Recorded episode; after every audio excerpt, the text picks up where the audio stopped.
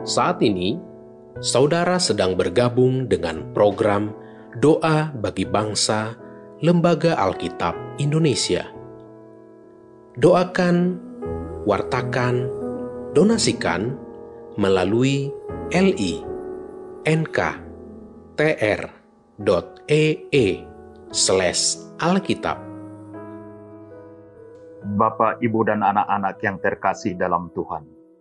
Sebelum kita berdoa, terlebih dahulu kita dengarkan satu ayat firman Tuhan yang terambil dari ulangan 31 ayat 6. Kuatkan dan teguhkanlah hatimu, janganlah takut dan jangan gemetar karena mereka, sebab Tuhan Allahmu, dialah yang berjalan menyertai engkau.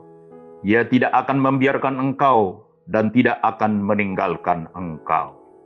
Mari kita berdoa.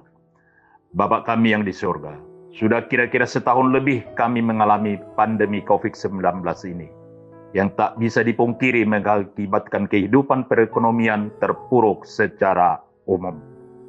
Namun di atas segalanya itu mohon Tuhan untuk menguatkan hati dan pikiran para aparatur negara agar dapat bekerja sungguh-sungguh untuk kepentingan bangsa dan negara.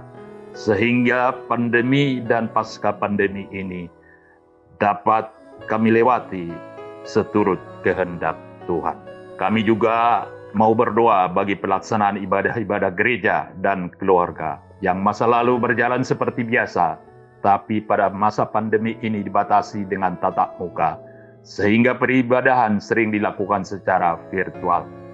Biarlah situasi ini merupakan cambuk buat kami orang-orang percaya agar semakin dekat dengan Tuhan tidak terlena dengan kebiasaan-kebiasaan beribadah selama ini. Kami juga berdoa untuk para lansia yang pada masa pandemi ini lebih rentan tertular virus COVID-19. Mari ya Tuhan, agar penyertaan dan pertolongan Tuhan tetap Engkau curahkan, agar dalam keadaan sulit seperti sekarang ini, para lansia tetap semangat dan kuat untuk menjalaninya.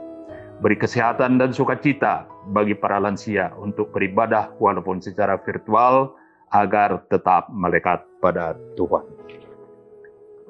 Pada kesempatan ini juga kami mau berdoa bagi Lembaga Alkitab Indonesia yang pada masa pandemi ini juga berdampak pada pelayanannya. Banyak pergumulan dan persoalan yang dihadapi.